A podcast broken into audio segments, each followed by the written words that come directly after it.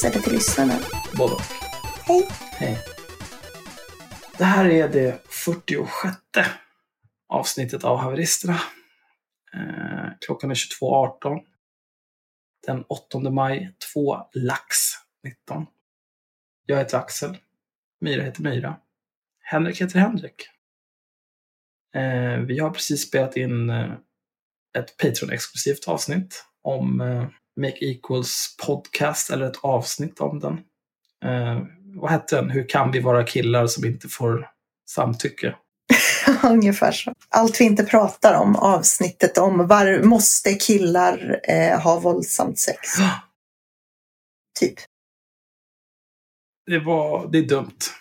Och så pratar vi lite om samtycke. Vad är samtycke? Sådana saker. Det kan ni lyssna på om ni är patrons. Är ni inte det så borde ni bli det. Eller så kan ni dra åt helvete. Mm. Är man patron, då kan man också vara med på Discord. Och på Discord så har Tim gjort två nya kanaler. Hans äckliga bot dels följer totala idioter i kanalen Mongon twittrar. Och dels följer mig, Myra och Henrik i kanalen Haverister twittrar. Så behöver man inte ens följa oss på Twitter, det är skitbra. kan bara titta i den här kanalen hela dagarna. Vaska livet. Det är nog lika bra. Eh, Twitter är ju ett hemskt ställe att vara på. Och som ni säkert minns så går det också att lyssna på Haveristerna på Spotify. Men det är inte därför vi är här. Vi är här för att prata om saker. Vi är här för att prata om saker och tugga tuggummi. Vi är helt slut på tuggummi. Som vanligt. Mm. Vad vill ni börja med denna underbara onsdag? Kan vi börja med lite skadeglädje? Det skulle jag tycka var skönt. Eh, med Babsen gjord av ryss. Ja, Ryssbabs. Vår favorit. Ryss-Babs eller Egor Putilov eller Alexander Voronov eller något annat. Martin Dahlin och Alexander någonting. Ja, det är, han har olika namn. The artist formerly known as Ryssbabs. Mm. Men han har sökt journalistakkreditering till riksdagen men har blivit stekt. Eh, detta eftersom han dels eh, har haft 8000 olika identiteter och också för att han enligt Säpo har haft kontakt med rysk underrättelsetjänst. Mm. Så att, eh, ja. Ut i mitt land. Ja, alltså det är... Han är Putins lilla hora. Jag tycker att, det här tror jag att vi har diskuterat tidigare, men det är ju lite intressant det där att den här personen har alltså sökt eh, medborgarskap ett flertal gånger med olika stories. Eh, och ja, nej, det är egentligen inte det intressantaste. Det roligaste med Ego Putilov är den här bilden på honom där han ser ut som en skitjobbig eh, spinkig vit snubbe med glasögon och spikes. Eh, om ni kommer ihåg den här Mm. fantastiska frisyren från typ 90-talet kanske. Tänk Sonic the Hedgehog. Ja, Eller Aqua. Aqua. Aqua. precis. Det är därför jag tänker att det är 90-talsfenomen. Jag tänker också eh, den nyligen avlidne sångaren i Prodigy hade väl också samma frisyr fast lite punkigare. Ja, Rip Keith. Mm. Ehm, och eh, han eh, ser alltså ut som... Och så har han någon läpp-piercing också va? På den här bilden. Ja, det är nog inte omöjligt. Jag vet inte, alltså jag vet att, att han ser verkligen ut som en skitjobbig, töntig kille som går på rave och försöker eh, sälja fulknark till folk. Mm. Sockertabletter. Mm. Och det är väl typ det han gör, fast han låtsas vara journalist. Mm. Och istället för fulknark så säljer han dålig journalistik. Och så får man också tänka ironin i att någon som har ljugit om sin identitet för att få svenskt medborgarskap jobbar på en tidning, eller vad man nu ska kalla det, alternativ media, som främst tjänar sina pengar på att ondgöra sig över folk som ljuger ö- om sin identitet för att få medborgarskap. Ja. Det är spektakulärt. mm. Av Säkerhetspolisens uppgifter framgår att din ursprungliga identitet inte har kunnat fastställas och att du har använt minst fem olika namn utöver Martin Dahlin, Ego Putilov, Alexander Friback, Alexander Stolypin, Alexander Kysak och Alexander Jarovenko. Det framgår vidare att du har haft direkta kontakter med och indirekta kopplingar till ryska underrättelsetjänst. Och den här människan jobbade alltså på STs kansli. Jättebra. Det säger en del. Skrev fejkade artiklar till Aftonbladet och så vidare. Ja, just det. Och låtsades att han jobbade på Migrationsverket Ja. och skulle avslöja olika typer av eh, missförhållanden. Men har han inte jobbat som handläggare på Migrationsverket? Jo. Det är också konstigt.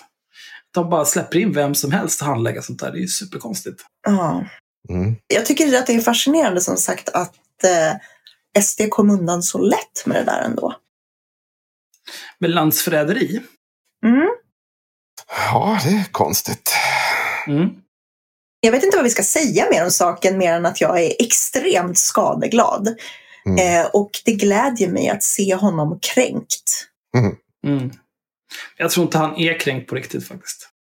Klart att han är. Han vill ju gärna tycka att han är en eh, riktig journalist liksom, och utge sig för att vara en riktig journalist. Ja, jag vet inte. Jag, jag bara undrar om inte Ego Putilov är en frukt som inte finns. Alltså. Ja, det är han ju bevisligen på sätt och vis. Men Ja. Nej, men det känns som att han bryr sig inte. Alltså, han är här för att förstöra vårt land för att han hatar Sverige. Mm. Ja, men just därför borde han ju bry sig. Han talar ju inte inför folk som, som bryr sig jättemycket. Det spelar ju ingen roll om, om han skulle säga så här att Nej, men alltså mitt ultimata goal här det är att Ryssland ska komma över hit och bara knulla röven på Jimmie Åkesson. Det gör de väl redan? Men jag hatar invandrare. Då, då, ja, men jättebra, jag hörde bara det där sista. Så att jag, jag kör på det. Du är det bästa som har hänt sen skivat Ja, ja, ja. Mm. bröd. Ja, men alltså, Sveriges, många av Sverigesarna älskar ju Putin. Jag har ju suttit rätt mycket i de här olika Sverigesgrupperna. Och jättemånga av dem sitter ju liksom uttalat och säger att ja, det vore mycket bättre om vi fick Putin och man kom och tog över istället för Stefan Löfven. Man bara shit, ut, försvinn. Ja, men det är samma sak. De, eh, de älskar ju Orban. Och eh, vad heter de där packet i Polen? Fidesz, Och- nej det är Orban. Ja, men det är lag och rättvisa och ordning eller någonting. Ja, skitsamma. Ja. Det är olika typer av fascister liksom, och vita nationalister. Jag tror inte att det är så mycket att de är fascister. Det är mer att de, eh, de är inte så jävla brighta. Och sen så kommer det någon som typ, eh, någon stor stark karl som bara slår kuken i bordet och berättar hur det ska vara. Ja, men Och det, det gillar en, de, för att de är lättledda och svagsinta. ja, men det är ju en grundförutsättning för att fascism ska funka. Mm. Skulle jag vilja påstå. Vi är landsförrädare lik förbannat. Det, det ska ut. In other news från landsförrädarhögen så har vi Ingrid Karlqvist som har upptäckt, upptäckt ett nytt YouTube-konto. Eh, YouTube-konto heter eh, Vivala Julian. Heter det. Mm. Julian Assange då, antar jag. Ja, nej, nej. Det här är nog riktigt jävla genskräp som sitter och bara Nej, mumlar. men jag tänker att det är väl en referens till Julian Assange. Ja, kanske det. Mycket möjligt. Eh, Han är ju också rysk. Ja, och eh, då skriver Inger Karlqvist så här. Vad säger ni om detta? Varför förutsäger Simpsons verkliga händelser? Branden i Notre Dame var planerad. Bevis! Han är så sjuk. och då är det den här, eh, ja, den här konstiga killen. Jag vet inte vad det är för någonting. Men då i ett avsnitt av Simpsons så har jag så, så jagar man då Homer som är typ Frankenstein upp i en, i en eh, katedral. Och så står det folk med högafflar och eldfacklor utanför. Det är allt. Och då är det beviset för att man har förutspått att Notre Dame har brunnit ner. Här har ju du skrivit en kommentar till henne här också. Ja, Det här är utan tvekan det mest retarderade svammel du någonsin kommit släpande med. Och det är inte illa för en förintelseförnekare. nej. Och då svarar hon med en artikel från Time. 15 Mm. times the Simpsons accurately predicted the future. Mm. Mm. Då kan man ju tänka, liksom, de släpper vad är det, 22 avsnitt per säsong och har så gjort i 30 år nu. Det är rätt många avsnitt. Det har hänt mycket, rätt mycket grejer på Simpsons. Mm. Eh, och jag menar, allting är ju inte... Ja, och sen förvandlade jag solen till ett rymdskepp som flög upp i min röv. Den typen av unbelievable. Mm. Utan, ja, Ja, men det, det finns ju en del intressant att säga om det här. Det är ju ganska roligt att Simpsons har lyckats träffa rätt ett par gånger. Eh, det är väldigt intressant. Men det är ju som du säger, fatta hur många Simpsons-avsnitt det Det finns. finns 654 stycken. 30 säsonger. Ja, och alla de har ju på olika sätt drivit med samhällsfenomen. Att något av de samhällsfenomenen skulle visa sig vara lika dumt som i satir eh, ett par gånger eh, är ju inte så konstigt. Men det är fortfarande kul Nej. att läsa om, om man inte tror på det. Det mest irriterande är att alla jävla idioter i det här kommentarsfältet, 780 kommentarer, sitter och skriver nu blir vi modiga. För det är tydligen så man skriver i det här kommentarsfältet. Och jag vet inte, vad är det jag ska bli modig över? Att jag ska bli så modig att jag går ut och eh, offentligheten som Ingrid Carlqvist och bara nu, nu har det brunnit i hela huvudet på mig. Nu är jag så CP som man bara kan bli. Det här, nu, nu tror jag på det här. Nu är det någon som säger något på YouTube igen. Nu, nu, nu är det så här. Alltså, att den där människan inte har börjat förespråka flat earth-teorier. Det är för mig obegripligt. Och är så dum. Det där är ju verkligen en, eh, alltså det här med konspirationsteorier. Det finns ju väldigt mycket intressant. Jag skulle vilja rekommendera folk att se, eh, om man har Netflix så kan man se dokumentären eh, Platt jord, eller Flat Earth om den är på engelska. Eh, där man som faktiskt på ett ganska balanserat och vettigt sätt följer just Flat Earthers. Det som är så påtagligt i den tycker jag är att de här dokumentärfilmerna istället för att bara liksom som vi gör bara håna de här personerna i en och en halv timme så har man också försökt ta någon sorts mänskligt perspektiv på det och visa att ja, de här människorna har fel men den här rörelsen gör dem enormt lyckliga därför att de hittar ett sammanhang som accepterar dem, som hyllar dem. Eh, människor som ingen tidigare velat lyssna på blir plötsligt någon sorts profeter. Och framförallt så blir man ju tvungen, alltså på, som att du är med i en sekt vilken som helst, så börjar ju alla vettiga människor i ditt liv säger ju plötsligt "Ö, det här är lite sjukt och så slutar de prata med dig och till slut så har du ju bara de här galningarna kvar. Eh, och jag vet inte, jag tyckte att när jag såg den så kom jag att tänka väldigt, väldigt mycket på den här nationalistiska högerrörelsen i Sverige för att man kan dra väldigt många paralleller. Mm. Fan vad snusförnuftigt av dig. Oj. Jag har, faktiskt, men jag har ju faktiskt skrivit, jag har skrivit en kulturkrönika om det. Eh, Så jag var ju tvungen att sätta mig, och, eller tvungen, jag valde det själv, men jag satte mig verkligen och tittade på den och försökte så här. Eh, alltså det var, ganska, det var ganska bra för mig att se den därför att eh, det påminde mig egentligen om att vi ska liksom inte glömma att de här människorna, Janos är ju ett lysande exempel på det här, att hon säger någonting dumt, folk säger du är fan dum i huvudet. Hon blir lite kränkt och eh, liksom vill försvara sig in i det sista. Och då kommer de här jävla Sverigevännerna och bara bra sagt Dan, 500 trollkonto-likes, kom och föreläs för oss, du är den klokaste människan någonsin. Eh, och sen så finns det ju liksom en typ av, av väldigt så accepterande kärlek så länge man är en del av sekten. Absolut. Jag tyckte att, så här, det är, jag vet inte, för mig var det lite hoppfullt. Den här dokumentären är lite hoppfull på sätt och vis. Mm. Sen är det ju tråkigt när det leder till någon typ av eh, rasism. Snarare än att man står och pratar om att jorden är platt. Men eh, överlappningen är rätt stor. Mm.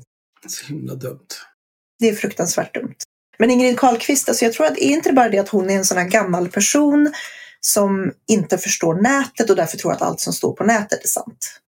Jag tror hon är psykotisk. Jag, jag tror också att hon bara är helt jävla galen. Ja, jag orkar inte rationalisera människan. Alltså det är ju uppenbart att det där är ju... eh, Det är ju, inte, det är ju ett utfall av en bristande psykvård. På något sätt, nej. Pallar inte. Det är för dumt. Ja, ja det är Mm. extremt dumt. Mm. Jag vet liksom inte vad vi ska säga om det här mer än att det är extremt dumt. Nej, vi behöver inte säga något mer. Det är klart där. Vi behöver verkligen aldrig mer prata om det här tråkiga. Vi pratar om något annat tråkigt. Vi tar Aron Flam. Han är tråkig. tar vi Aron Flam. Ja. Ja. Ehm, alltså han... Aron, Aron, bless his heart alltså. Mm. Eh, han höll ju även i år en första maj-demonstration, den här gången utanför SVTs lokaler på Gärdet. Eh, och där stod han tillsammans med ett gäng NPCer eh, varav många hade krossa socialismen-uniform på sig. Det finns någonting underbart i hans krossa socialismen och kollektivismen. Och så står de där alla i samma tröjor.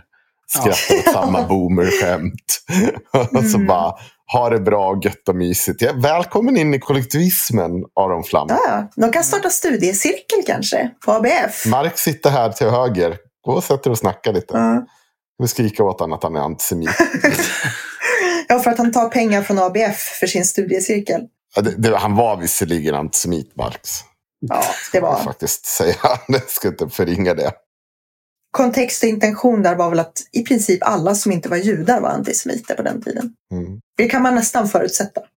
Vilket inte, inte gör det bättre, men Alltså alla har väl varit antisemiter mellan typ eh, år 33 till 1945-ish. Men de dödade ju Jesus. Det får de ju ta. Ja, precis. År 33. Ja. Precis. Och sen nu efter andra världskriget så är det bara 80 procent av jordens befolkning som är antisemiter. Ja. Men hans tal i alla fall. Eh, jag har lyssnat på videon och han har varit, de spelade in och sände såklart. Och han har varit vänlig nog att transkribera det på sin löjliga blogg. Eh, Jag Mm. tänker inte läsa det här för det är för korkat. Men det är det vanliga gnället om SVT. Allting är hemskt. Sedan 2019 är public service finansierat genom skattesedeln. De har tagit av sig masken och erkänt vad de är. De är statstelevision, regeringens megafon. De är maktens lakejer. Det är det som är premissen för public service. Mm. Det, här, det finns ett stycke här som är lite intressant. Jag måste betala för min egen konkurrens. Han syftar då på att han måste betala skatt som delvis går till public service. Du betalar för din egen indoktrinering. För public service betalar du 8,4 miljarder. För det får vi 15 947 poliser, 14 513 sjuksköterskor med grundutbildning och 17 072 brandmän. Det är dit pengarna annars hade gått. Är du säker på det, Aron? Jag tror inte det. Vet ni vad jag skulle vilja göra? Vi skulle kunna ta hur mycket Aron Flam får in på Patreon, om han inte har flyttat därifrån än, på sin podd Konstruktiv kritik. Och så ser vi hur mycket det blir på ett år och hur mycket poliser och eh, kvinnojourer och annat det hade kunnat räcka till. Och folk hade betalat mer skatt istället för att ge pengar till Aron Flam. Ja. Jag måste säga det att hans konkurrens, ja jag vet inte vad, vad det vad han syftar till även. Men inte fan är det hans stand-up i alla fall. För det, det, det har ju, jag, jag tror det var Martin Soneby som sa det så jävla roligt. att Jag menar, inte ens när Aron fyller ett rum fullt av sina liksom, egna följare så kan han låta bli och liksom bomba hela det rummet. Och det är helt tyst. Och jag har ju sett han, det är inte bra. Han är inte bra ståuppkomiker längre. Nej, han, han är inte rolig. Han kan, jag är helt övertygad om att han kan tjäna gott om pengar på just där. Och det visar han ju upp så fint eh, eftersom han har en öppen Patreon. Att han kan sitta och babbla med Malcolm Kiene och... eh, För och 30 så- gången. Ja, för 30 gången. Det, är- det är fine and dandy. Men som ståuppkomiker, sorry, det är inte problemet är inte konkurrensen Aron. Problemen är att du inte är särskilt rolig som ståuppkomiker. Men konkurrens tänker han nog på om den välvilligaste tolkningen man kan göra av det här. Eh, eftersom public service inte erbjuder någonting i stil med det är konstruktiv kritik. Den absolut välvilligaste tolkningen man kan göra Mm. det är att han konkurrerar om människors tid med public Mm. service. För det är det, det är det enda gemensamma nämnare som finns, att det tar tid att kolla på tv, det tar tid att lyssna på hans jävla podd. Ja, men alltså det här, och det är, jag sitter ju liksom och, och tittar på det här nu och de andra han pratade med. Den här eh, Johan Öhman Saldes från Klassiskt Liberala Partiet. Eh, som inledningstalade och jämförde public service med bland annat den, kana, jag vet inte hur man säger det här, kanaitiske guden Moloch. Följd av bla bla bla.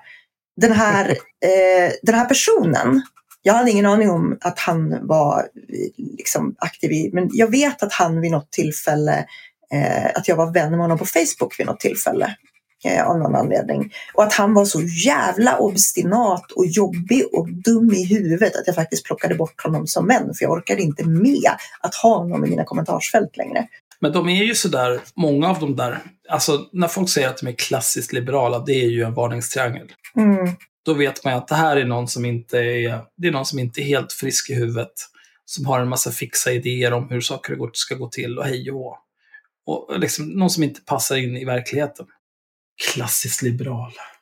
Pack. Ja, men, och det är synd därför att det finns ju människor som är klassiskt liberala i form av typ Mattias Svensson till exempel skulle jag säga är en klassisk liberal på riktigt. Det vill säga du är inte typ en medborgerlig samling liberal som halkar över i så här auktoritär invandringspolitik plötsligt utan du är liksom faktiskt frihetlig liberal. Mm. Eh, problemet är ju precis som du säger att det är ju inte de som använder sig av den här eh, benämningen. Jag vet att Tore Kullgren skrev om en status om det här på Facebook och sa precis där. Han är väl också komiker? Han är också liberal och ganska politiskt vettig oftast. Så här, jag vet inte, jag tycker att han ofta har rätt bra analyser av saker. Eh, men, men han skrev en, en status om det här att klassisk liberal, typ klassisk liberal är, betyder bara att du är en fördold rasist som vill betala mindre skatt eller något sånt där. Jag kommer inte ihåg exakt vad det var. Jag disclaimar det. Men folk blev skitsura. Till exempel människor som Kalle Binder som har varit liberal alltid och bara vill vara hippie och ingen ska behöva eh, tvingas till någonting utan man ska vara ute i skogen och ha sex i batikkläder. Och han blev jättekränkt. Eh, men jag förstod vad, ja men till exempel, Ja. för han är ju liberal, också liberal på riktigt. Sen kan man ju tycka att det är verklighetsfrånvänt, eh, men han är ju verkligen inte en fördold jävla etablissemangskritisk rasist på det sätt som jag förknippar med uttrycket numera. Jag, jag tycker, vet du vad, jag, jag, jag lyssnar på det. Jag, jag ska ge, han är inte, alltså det är mycket svåra ord. Han är inte världens, han är bra på att stå och hålla ett tal såklart. Han har ju stått på en del scener. Men texten, är- det är så pretentiöst. Det är Mm. liksom, han, han jag, jag, som ni säger, den här, han jämför med den kanaitiska guden Moloch. Hur många tror ni som stod där runt omkring som har en blekaste aning om vad det är? Nu var det ju visserligen inte Aron. Mm. Men, men liksom, han kan inte säga tran, eh, SVT ska vara transan, transcendens. Ba. Vad är det för jävla ord? Är väl... Nej, men det här är också extremt vanligt bland den här typen av människor, att de har ett sånt enormt jävla bildningskomplex. Mm. ja, Antingen så är de obildade jävla idioter, men de har lärt sig ett trestavigt ord, så de har t- och skohornar in det i varenda jävla mening de säger. Eller så har de läst liksom 800 poäng Harry Potter och hans världar. Mm, Ja, Och så ska de berätta, titta, jag kan det här. Det är ju som den där jävla idioten som vi ska prata om senare, med sina 500 högskolepoäng. mm. Mm. Ingen bryr sig. Du har ju inte avslutat ett enda program, din jävla nolla. Ja, och liksom man kan ju ta sig igenom rätt många och svåra utbildningar och fortfarande vara helt jävla dum i huvudet. Det är ju bevisat många gånger om. Även om risken minskar för varje högskolepoäng kanske. Eh, men inte nödvändigtvis. Ja, det finns ju forskning. Ja.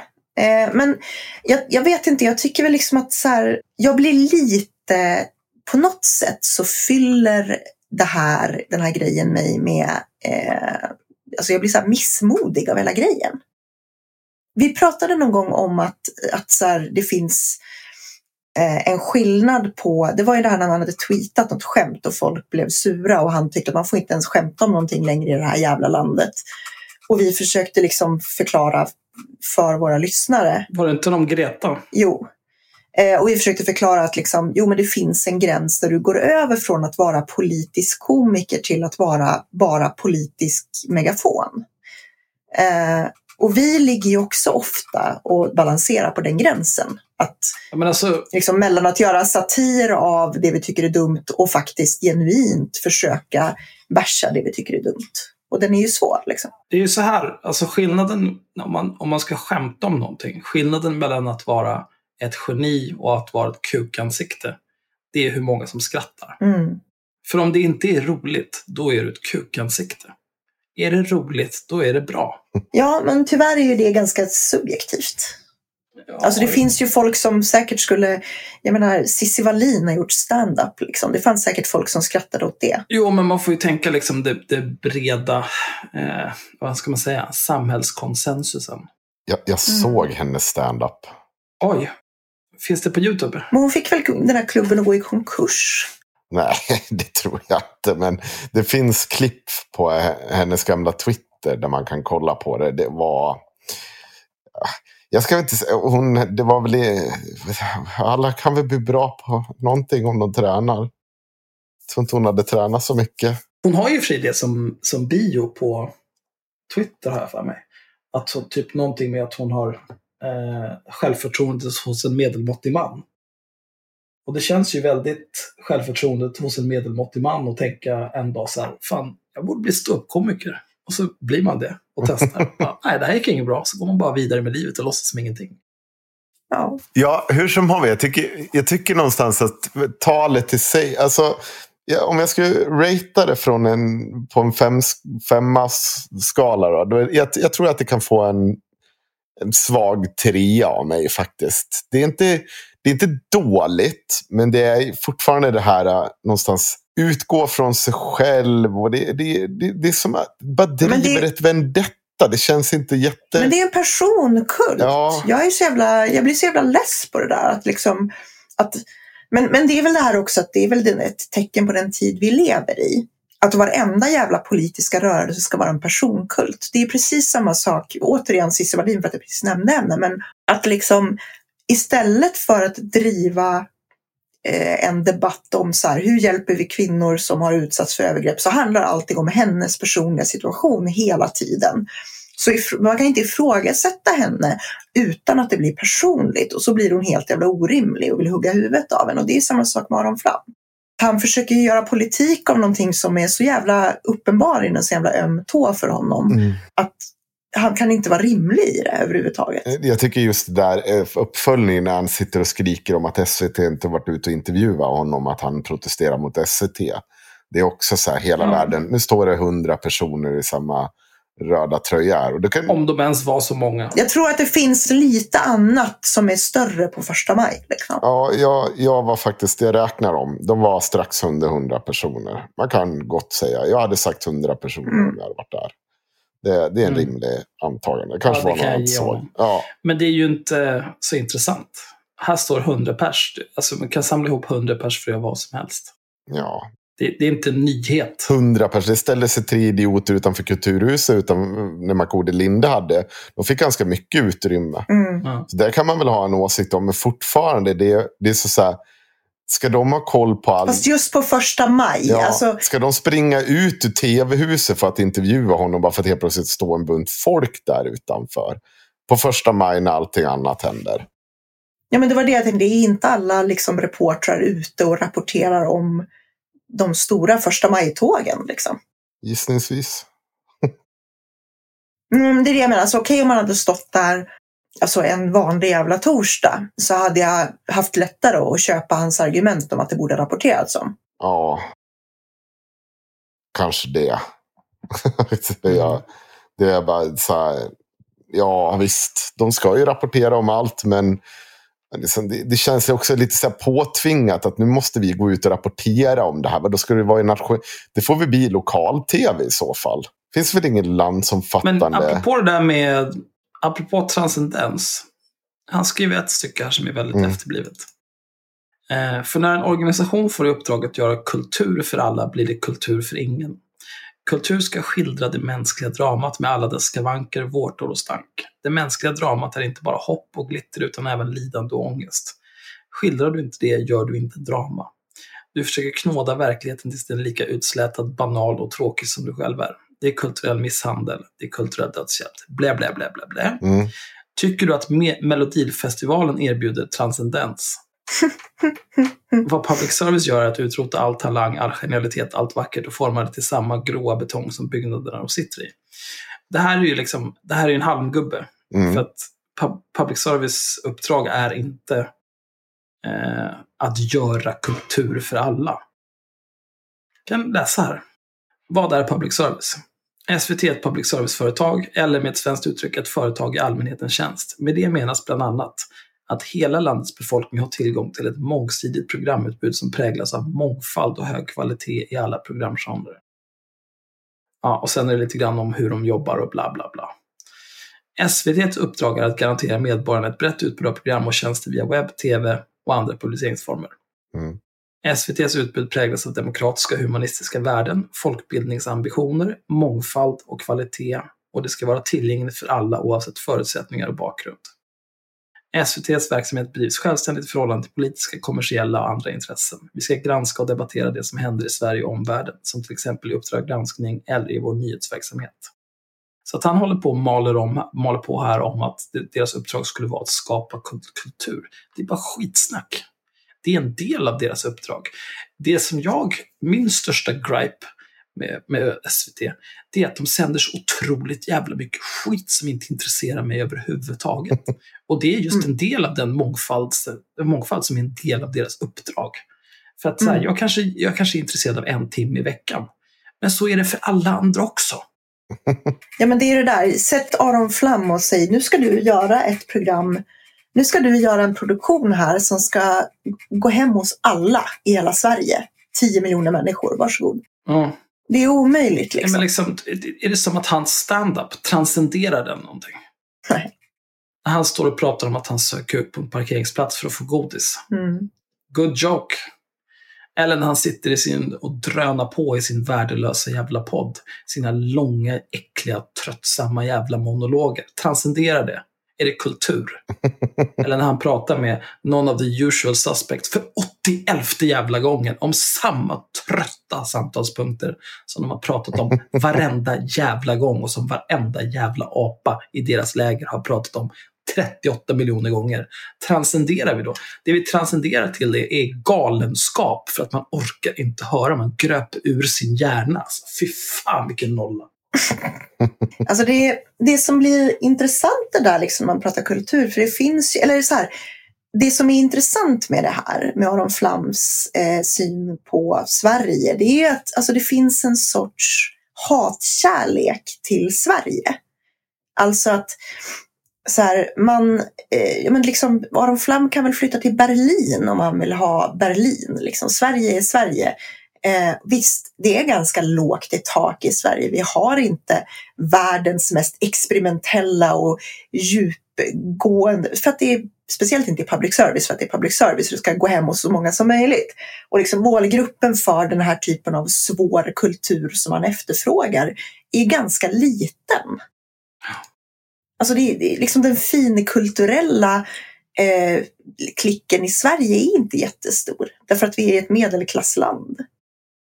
Du kan inte ha det liksom som någon sorts eh, publik underhållning. Framförallt så kan du ju inte liksom säga att du kan ju inte ställa krav på att Melodifestivalen, säga att Melodifestivalen liksom är en representation för all kultur som Sveriges Television håller på med. Nej, och tittar man liksom på liksom, fin kultur, vad hamnar du då? Då hamnar du på klubben där Jean-Claude Arnault våldtar dig. Liksom.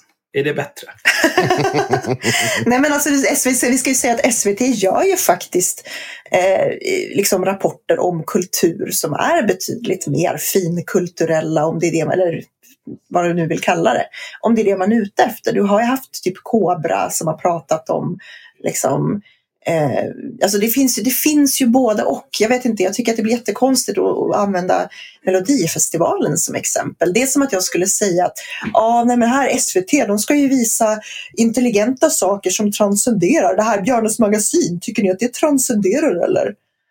Nej, det är inte menat att transcendera. Men det är ju för att Melodifestivalen är så folklig eh, dussinunderhållning. Det, det är mycket glitter och så här.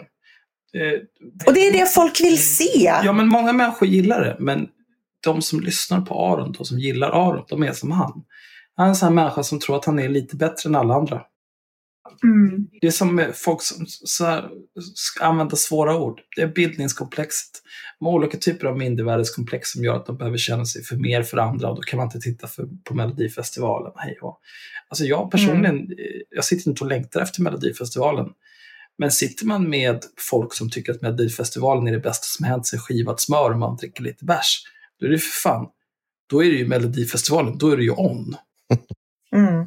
Carola kommer ut och sjunger Invincible. Fy fan. Nu kör vi. Sverige. Jo men precis, och är det inte lite jävla low tier att basha Melodifestivalen? Ja, fan. Melodifestivalen är okej. Ja men alltså är inte det så här, är inte det lite som att basha foppatofflor ungefär? Foppatofflor är inte okej.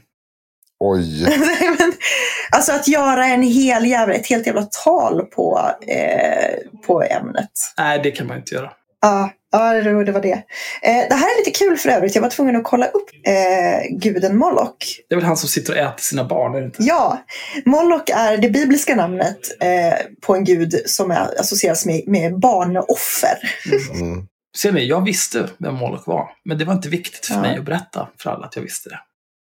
Men, men bara så ni vet, jag är otroligt bildad. Mm. Otroligt bildad. Och eh, för alla lite transcendens, nu vet jag inte om jag använder det ordet rätt.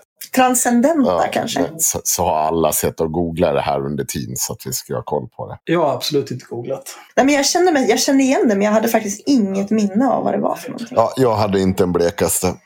Jag kom bara att tänka på bandet Moloko från typ 90 Det var ganska bra band. Ja, nog om Aron Flam. Ja, fuck Aron Flam alltså. Definitivt. Nej, jag vill säga en sak till om Aron Flam. Jaha. Det är att eh, jag eh, tänkte sätta, så jag, vet, jag har inte tittat på filmen så jag vet inte om det fortfarande ser ut som en särskoleklass. Eh, ja, alltså de ser ju inte... De ser ju lite off ut allihop. Det är lite grann som att titta på de här Mynttorgsdemonstrationerna. Tittar man på människorna som är där, då ser man ju också så här, ah, det, det är lite off alltså. Du har nog... Eh, så man vill ju inte... Nu, vill inte jag visa någon, någon typ av funkofobi eller klassförakt, men man ser ju liksom att Det är väl för fan precis det du vill. Nej, men liksom, de är förtidspensionerade på grund av inkompetens. Sådana grejer. Eh, och de är liksom de är lite för tarded för att kunna ha ett jobb. IQ runt 85 kanske. De gillar svåra ord. De dras som en mal till en lampa med Ja, men det är svåra så, ord. de, har, de, de, de har någon som de tror är smartare än vad de själva är. Mm. Men det här är ju det här, det här är ju fascismen. Det här är ju precis varför fascismen funkar. Var det i det här avsnittet vi pratade om det eller i Patreon-avsnittet? Det var nog i Patreon-avsnittet. Eller var det nu? Jag minns inte.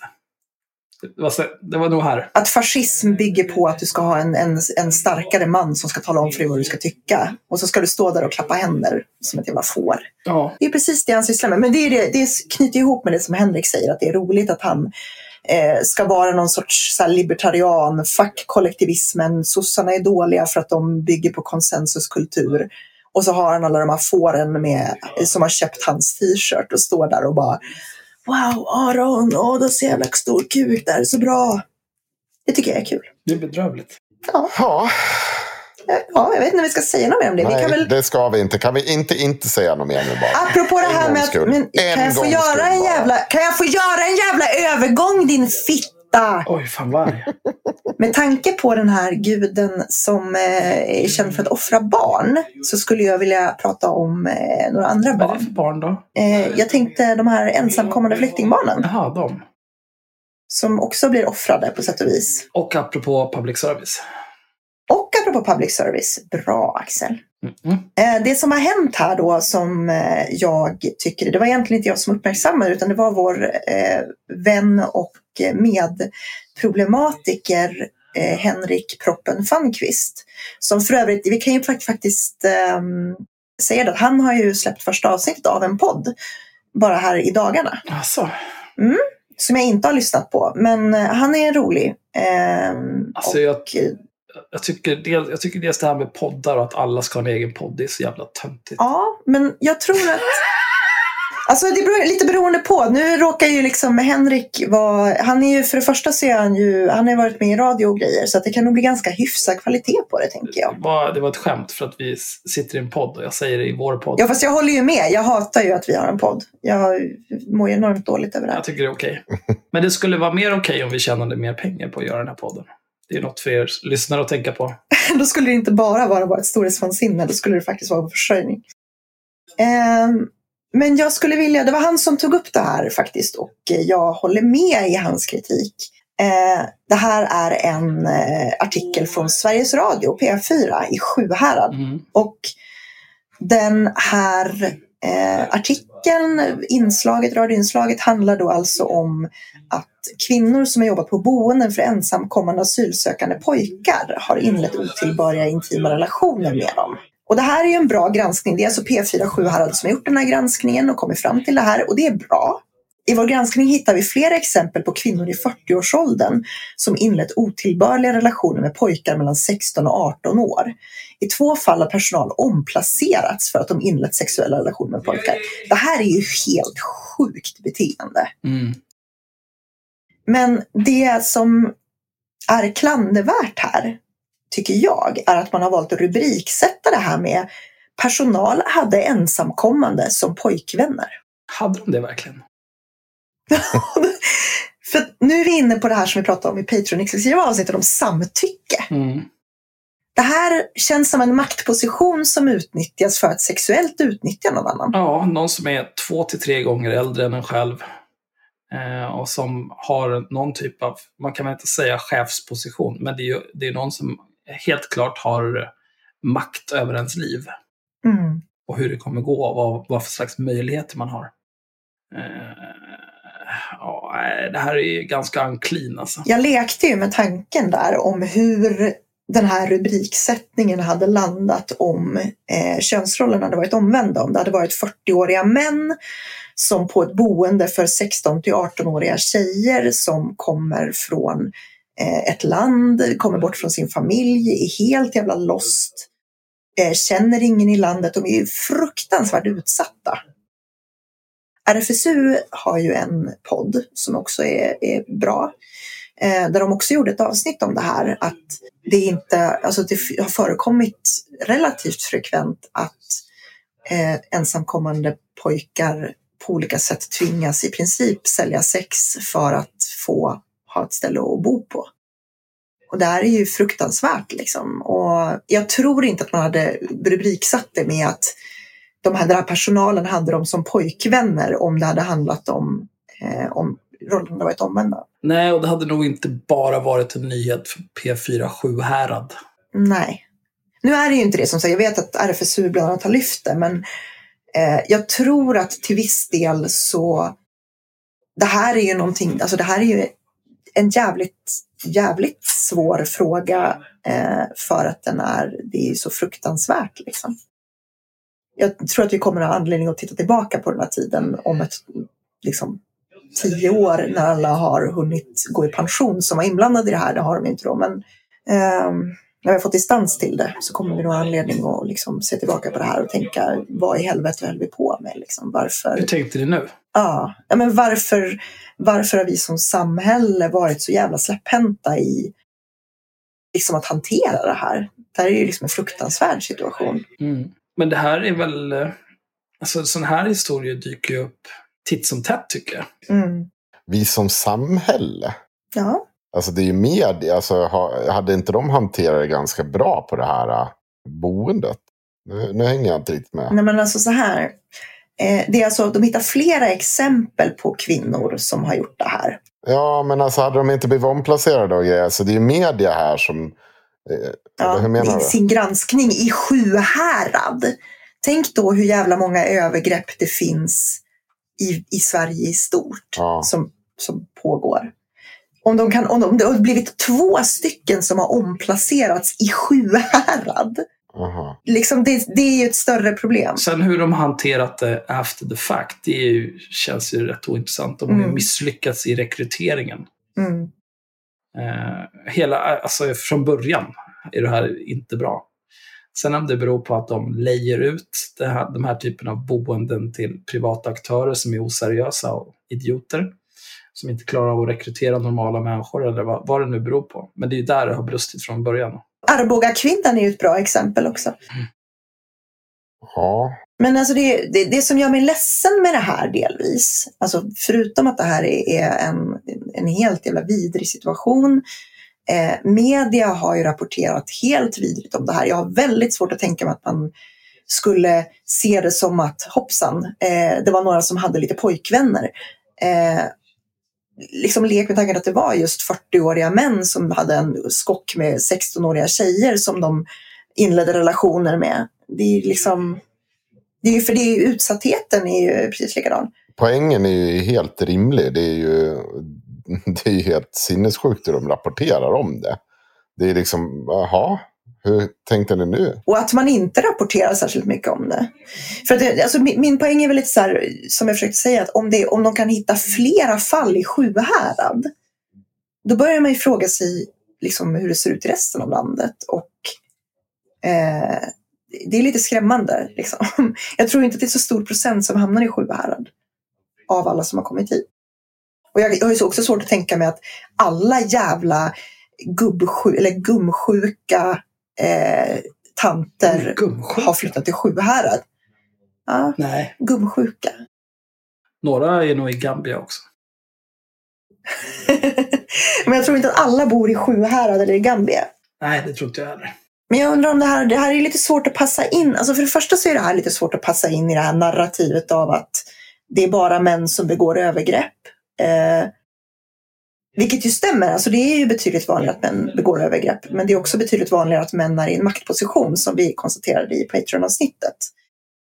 Och någonstans så behöver man ju landa i en analys där man börjar fundera på är det kön eller är det makt som gör att vi beter oss så här? Ja, men om könet ger makt så...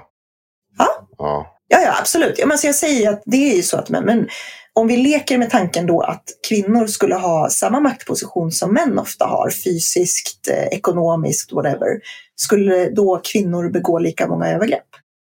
Mm, det är intressant. Jag skulle ju säga ja, i alla fall nästan. Eh, I och med att jag är, tror att det inte är så jättestor skillnad mellan könen. Jag tror att det finns eh, liksom rätt mycket svin av alla kön. Ja, det finns det ju. Men nu är ju inte... Ja, patriarkatet är ju inte här och kan försvara sig, så vi kan tyvärr inte gå in på det. ja, nej, men, eh, men en annan grej som är väldigt sorglig med det här är ju också att, eh, och det här är ju såklart en, en parentes i sammanhanget, men det är ju också alla de här idioterna på i SD-högen vatten på sin kvarn, för de gillar ju också att påstå att alla som tycker att vi ska ta hand om ensamkommande flyktingkillar egentligen bara vill ligga med dem. Mm. Speciellt om de är lite äldre kvinnor. Vilket ju är en fruktansvärt vidrig retorik från dem. Genom sig själv känner man andra. Ja, precis. Och det, men det är ju en parentes till som gör det här väldigt deppigt för mig. Mm. Själv vill jag inte ligga med mina användare. men det är för att de inte kan data mest. Nej, det, det är för att jag är professionell. Nej, det känns inte rimligt att gå runt och ligga med folk på kontoret på arbetstid. Eh, det verkar, verkar orimligt. Så skulle inte jag göra. Mm. Mm. Eh, Nej, men det är olika hur man gör, uppenbarligen. Ja. det här kan ju också vara en, ett problem med eh, om, mycket när jag har pratat om metoo till exempel så har jag också lyft, eller så här, jag har kommit till den insikten själv när jag pratat med andra som är män under metoo att eh, ja, men så här, alla egentligen har någon, något tillfälle där man skulle kunna börja fundera på så här, oj, gick jag, var jag liksom, gick jag över en gräns här? Eh, men, men som kvinna så har jag oftast privilegiet att inte behöva göra det. Därför att jag är väldigt sällan ett hot för någon som gör att de kanske skulle säga ja när de egentligen menar nej. Men i den här situationen borde man ju verkligen kunna förstå att den risken finns. Om man inte är extremt klandervärd som människa. Mm. Jag tror att de här människorna är extremt klandervärda. Ja, men jag undrar mest så här, är man liksom... Jag, jag är väl mer intresserad av om det spelar in att vi som kvinnor egentligen är sämre på att hantera en situation där vi har, en, alltså där vi har ett maktövertag. Därför att tittar man på liksom senare, alltså senare decenniet eller så, så har det ändå funnits en diskussion om så här, män måste tänka på att kvinnor kan känna sig hotade. Lala, så här. Vi har ändå pratat rätt mycket om det. Eh, sen betyder inte det, alla tar ju inte till sig av det, men det är inte så mycket diskussion om de tillfällen när en kvinna kan gå över gränsen eller på något sätt Alltså jag vet inte. Jag, jag funderar liksom på om det bidrar, att man inte liksom tänker i de banorna överhuvudtaget. För, ja. det vet, ja, men... Nej. Det är, jag vet inte vad jag ska säga. Jag tycker jag blev deprimerad nu. Ja, men det är ju extremt deppigt. Eh, men eh, ja. Det viktigaste med det här är i alla fall att SR är klandervärda när de rubriksätter det här. Mm. Ja, det var en väldigt konstig rubriksättning. Ja, det kan vi nog vara överens om allihopa. Och bra catch av proppen också. Mm. Mm. Kolla in hans nya podd. För nu ska Ja. tydligen alla vara poddhjältar. Oj. Men vi har ju faktiskt ganska länge sagt att, att proppen ska komma och vara med eh, i, vårt, av- i något avsnitt och prata om funkofobi och sånt. Mm. Eftersom han är en propp, eh, vilket är ett eh, slangord för utvecklingsstörda i Sundsvall där han kommer ifrån. Jaha, det visste jag inte. Nej, det är därför han kallar sig för proppen. För att, För att förekomma. ja. Eh, så att jag, jag tyckte det skulle vara intressant att bjuda in honom och prata funkofobi och liksom, ja, generellt så här, hur, hur det påverkar. Det finns ju massa man kan säga om eh, de nya, alltså vad heter det, hur mycket stöd man får av staten liksom. Eh, vad heter det? Eh, LSS. Ja, det har gjorts massa nedskärningar där och sånt som skulle kunna vara intressant att prata med honom om, tänker jag. Ja, Med det går vi raskt vidare till någonting ännu deppigare. va? Mm. Eh, aktiv dödshjälp. Ehm, och det här är superdeppigt, för nu ska vi läsa ett pressmeddelande från den 30 april från Ystads ting tingsrätt. 87-åring döms till ett års fängelse för dråp. En 87-årig man döms för att ha dödat sin 85-åriga sambo och livspartner. Eftersom gärningen motiverats av att sambon var svårt sjuk och själv ville dö har den bedömts som dråp. Straffet blir ett års fängelse och det beror förutom motivet också på att mannen är så gammal och har dålig hälsa. Det är så jävla sorgligt. I mitten av oktober 2018 ringde den 87-årige mannen till polis och berättade att han hade dödat sin sambo genom att skära henne i handleden med en kniv och att han sedan hade försökt att ta sitt eget liv på samma sätt. Den omfattande utredningen som sedan har genomförts visar att det gått till som 87-åringen berättat. Under rättegången har 87-åringen sagt att han och sambon gemensamt hade bestämt sig för att avsluta sina liv eftersom de inte tyckte att livet var värt att leva längre då de var så gamla och sjuka. I parets hus har polisen gjort flera fynd som bekräftar 87-åringens uppgifter. Ja, och sen är det lite till här. Eh, men- men det, var, det här är ju... Dels är det ju konstigt att han, alltså att han blir dömd. Det är ju perverst. Mm. Eh, men sen också att man inte får ta livet av sig i det här jävla landet. För det är ju... Vi kanske inte ska ha liksom självmordsbås där man kan gå in och ta livet av sig var som helst och ställa ett sånt i varje gathörn. Men jag tycker att om man är man svårt sjuk, gammal och allting är bara lidande, du får någon typ av cancerdiagnos och du vet att ja, om sex månader så kommer du vara död och vägen dit kommer bara vara lidande och värdelöst och hemskt. Varför ska man behöva ha det så? Mm. Det är en, en enormt sorglig historia. Alltså, eh, alltså, jag har så svårt att sätta mig in i situationen där den person du har levt hela ditt liv med mår så dåligt att du tvingas döda personen. Mm. Det är, ju, alltså det är ju så mörkt så att det finns ju nästan inte. Det är så, bara så sorgligt. Och um, jag har ju en tendens att, att vara väldigt, eh, väldigt liberal när det kommer till en människas rätt till sin egen kropp. Och det här är typ ett typexempel på en sån grej där jag tycker att eh, i likhet med, eh, låt oss säga, eh, transutredningar där en person vill göra drastiska eh, ingrepp på sin kropp så skulle det inte vara orimligt alls att säga att nej men, liksom, gå till en psykolog, prata om det, Eh, om en psykolog kan säga att jo, nej, men det här är välgrundat. Eh, det, den här personen är inte bara tillfälligt i en psykos eller vad det nu kan vara. Så borde det inte finnas några hinder för att du faktiskt ska få välja att avsluta ditt eget liv på ett värdigt sätt istället för att din närstående ska behöva skära dig i handleden. Ja, och sen sitta på kåken för det. Ja, det är så jävla ovärdigt och det är... Det här är ju också, knyter ju an till vad vi pratade om i Patreon-avsnittet. Eh, det här är ju en fråga om samtycke. Mm. Eh, om man inte längre... Då, precis, kan man, kan man samtycka till att någon ska döda en? Nej, men mer, mer eh, basalt än så. Liksom. Jag samtycker inte till att leva längre. Så kan man också vända på det. Jag har fått, jag har fått nog. Det räcker. Klar med den här skiten. Ja, och speciellt i sånt här fall där det gäller liksom gamla sjuka människor.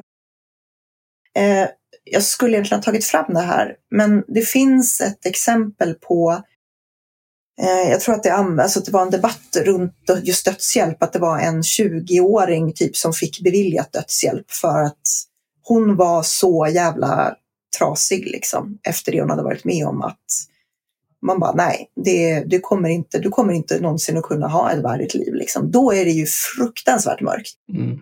Eh, I det här fallet så känner jag att har du levt 80 år och du är fruktansvärt sjuk och svag och har ont så är det värdigare att faktiskt få välja själv hur du avslutar ditt liv. Jag tycker att det är mer respektfullt mot människan.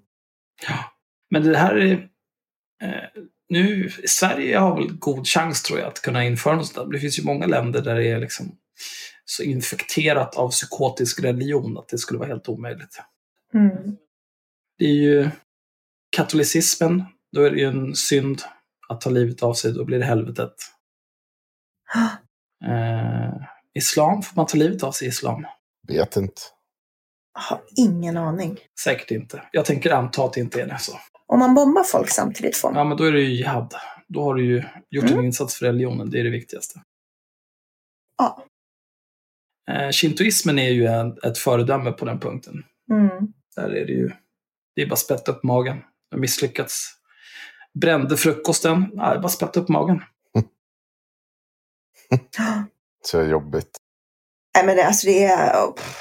Ja, eh, Terry Pratchett, eh, författaren Terry Pratchett, eh, led ju av Alzheimers. Och han åkte ju... Han, det finns en dokumentär om det här som jag tycker att man ska se om man är intresserad av ämnet. Det är en fantastiskt gripande dokumentär. Eh, I och med att han led av Alzheimer så han hade ju, var ju en väldigt intelligent och briljant person. Eh, det är en av mina absoluta favoritförfattare. Eh, väldigt rolig person också. Så att han hade ju liksom han hade ju extremt mycket humor. Men han, han bestämde sig ju, liksom sa ju det, att jag har Alzheimers. Eh, jag har liksom, hela mitt liv har jag ju levt in i mitt eget huvud med de här historierna, den här fantasyvärlden jag har skapat. Och jag kan liksom inte tänka mig att bli en, alltså bli, bli en, en människa som inte längre är i kontroll över mitt intellekt. Nej. Så han bestämde ju det tillsammans med sin fru att när han började bli riktigt sjuk så skulle han åka till Schweiz, tror jag att det är. Eller Österrike, jag minns faktiskt inte nu. Men, eh, och eh, liksom få assisterad dödshjälp. Mm. Och den, den är extremt tung att se, men också väldigt, väldigt gripande och bra. Och jag tror inte att någon som ser den där och hör honom prata om det skulle liksom kunna ställa sig och argumentera för att nej, men det är klart att du ska leva i 20 år till som en jävla grönsak som inte kommer ihåg din fru varje morgon. Liksom. Och även att hon ska behöva genomlida det. Det är väldigt svårt att argumentera för. Alltså. Alltså det skulle bli svårt. Eh, det- skulle nog bli svårt att lagstifta kring det där, annat än binär lagstiftning, ja eller nej liksom. För att ska man säga så här, ja okej. Eh, det är okej om du är fysiskt frisk förutom att du har Alzheimers. Då får du ta livet av dig. Någon annan kanske känner att livet inte är värt att leva om de är med i någon olycka och får båda benen klippta liksom. Mm. Eh, Så det skulle bli problematiskt. Men jag tror att vi reder ut det där. Jag tror att det viktiga är att Om folk inte vill leva, vad fan ska man tvinga dem att göra det för? För mycket folk här ändå. Suger i sig all jävla luft. Det finns ju en, eller det fanns ju en, en kult slash eh, organisation, eh, eller finns kanske fortfarande, men de var ju mer aktiva förr i tiden, som heter Church, Church of Euthanasia, Oj. eh, vars slogan var Save the planet, kill yourself. Ja, ja de har ju inte fel. Nej. Och rent, rent filosofiskt så hade de ju en rätt intressant idé om att så här, man skulle det bästa man kunde göra för planeten, människor var egentligen bara liksom en, en parasit på planeten. Eh, och det bästa man då kunde göra för världen, det var liksom att ta livet av sig. Eh, man skulle absolut inte ha föda några barn såklart. Mm. Eh, och man skulle helst inte äta, man skulle absolut inte äta djur, för de hade ju inte gjort någonting fel. Liksom. Eh, och, eh, så att de föreslog, abort var ju jättebra, så att de gjorde lite så demonstrationer liksom, där, de hade, där de provocerade folk med olika aborterade foster och förespråkade även kannibalism gjorde de för att de tyckte att varför ska vi äta djur, döda djur specifikt för att äta dem när vi skulle kunna äta typ folk som har dödats i bilolyckor och sånt där. Mm. Det är ganska underhållande. Låter jävligt kantigt alltså. Jo, men de var ju liksom, det var ju väldigt mycket provokation. Mm. Eh, men det är som tankeexperiment är det ju roligt. Och det är svårt att argumentera emot på ganska många sätt i grundtesen. Ja. Eftersom eh, vi är... Det här avsnittet har ju varit jävligt on point med övergångar och eftersom Henrik dessutom har varit tyst så länge så tänkte jag att vi ska göra en till jävligt bra övergång här. Vi ska prata om ett parti i behov av aktiv dödshjälp. Nämligen Feministiskt initiativ. Ja, det är du som har röstat på dem. Har jag röstat på dem? Ja, du har ju sagt det i alla fall. Eh, ja, det har jag. Mm. Eller ville du bara skaffa någon slags pluspoäng? Och can't get your story straight? Nej, jag har... Jag, 2000... När fan var det? Förra valet var det väl? Var det måste ha varit 2014. Mm. Det måste ha varit förra valet. Ja, men jag jämnar ut genom att rösta på Sverigedemokraterna 2010, så det är lugnt. AFS, AFS. Sieg Heil. Vill du läsa lite krönika? Eller vad säger jag? Eh, debattartikel? Mm. Det här är en opinionstext publicerad på feministisktperspektiv.se den 13 april i år. Eh, den är av Farida Al-Albani. Nej, förlåt. Al-Abani, inte Albani. Eh, rubriken. Jag kan inte se mig själv i Suhonen eller Karlsson. Ingressen. Både fackföreningsrörelsen och socialdemokratin har mycket att jobba med när det gäller att synliggöra en bredare och sann bild av Sveriges klassamhälle, skriver Farida Al-Abani, FI, i ett inlägg riktat till Daniel Suhonen, socialdemokratisk debattör, författare och chef för den fackliga tankesmedjan Katalys. Jag har sett dokumentären om Mattias Karlsson och jag har läst Daniel Suhonens ledare i Aftonbladet om Karlsson. Jag kan inte säga att jag känner igen mig i någon av er. Jag kan inte heller se mig själv varken i dagens socialdemokrati eller i Sverigedemokraterna. Daniel Suhonen. Så här är det. Klassanalysen som du framvisar i artikeln representerar det som många av oss tröttnat på.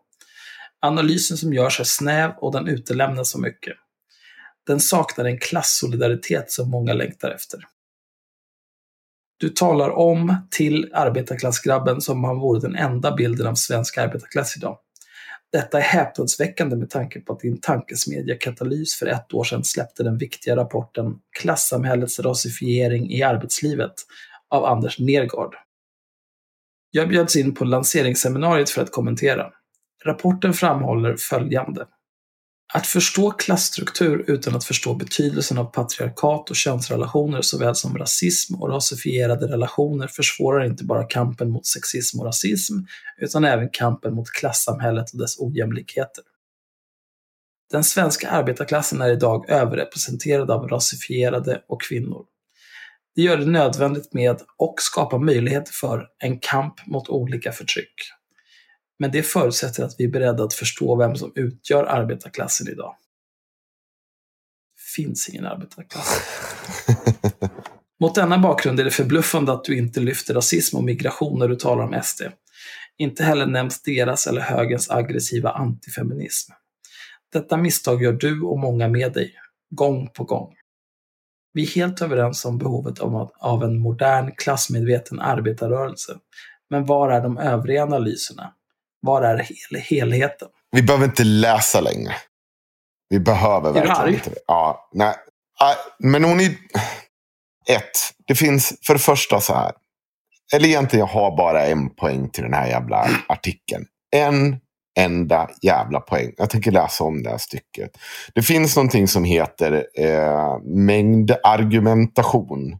Det vill säga att många tycker och många tycker som jag. Eller eh, det här känner folk. Det här är många med mig. Bla, bla, bla. Och Mm. Vi säger bara det folk tänker. Ja, jag säger bara det folk tänker. Och då säger hon det här. Daniel Suonen, så här är det. Klassanalysen som du framvisar i artikeln representerar det som många av oss tröttnar på. Analysen som görs är snäv och den utelämnar så mycket. Den saknar en klassolidaritet som många längtar efter. Jag tror inte det. Daniel Suonen representerar en förening inom socialdemokratin. En förening som sannolikt idag har mer medlemmar än hela Feministiskt initiativ. Farida, är det någonting du borde förstå så är det att det är inte många med dig eller många längtar efter din lösning. Det är alldeles uppenbart att ingen lyssnar på dig. Att de inte känner igen sig. Att de inte är i din sfär. Ni är, vad fick de nu? Var det 0, vad gick de tillbaka till? 0,2 procent? 0,1 procent? Det var lite i alla fall. Toppnotering på vad var det 0, eller 1, ja, jag kommer inte ihåg vad de hade. De var väl uppe på tre ett tag, var de inte? Skitsamma. Nej, jag, jag, jag skiter samma. Det är fortfarande alldeles uppenbart så att det inte, det är inte, det är inte Daniel Suonen som har ett problem här med vad många tycker och tröttnar på. Det är ju Fi som har det problemet. Att man sätter sig på den här höga hästen och berätt ska läxa upp de här. Att du missar alla de här. Just nu är ju reformisterna det som är på väg att rädda många i- kvar i socialdemokratin. Och det handlar inte om att... Alltså, det är, poängen är att man bör... Är det det? Finns det siffror på det här? Hur många är det egentligen? Nej, det är sant. Nu, nu, nu, nu är ju du, nu gör ju du Ja, det gör jag. Jag säger så har här. Jag säger så här. Att jag har inte, jag, under mina tio år inom socialdemokratin så har inte jag sett den, den här typen av debatt som diskuteras nu. Tio år, det är mer säkert. Jag har aldrig sett det här li- like. Så att, nej, okej, jag behöver inte säga många, men jag, säger att de, jag sa väl att de var på väg att rädda kvar många i socialdemokratin. Och det tror jag stämmer. Det tror jag att jag kan belägga ganska ordentligt. För det, där var diskussionen väldigt hårt att nu, nu har det gått för långt. Nu, nu är jag trött på det här. Jag är en av dem. Mm. Och det är liksom så här, det är sån jävla hög häst. Och det är så jävla, det kommer ju ont när du ramlar ner för den där och ni trillar ut helt i nästa val. Och så ska du stå och berätta att du talar för massorna. Det gör du uppenbarligen inte. Du är inte ens i närheten.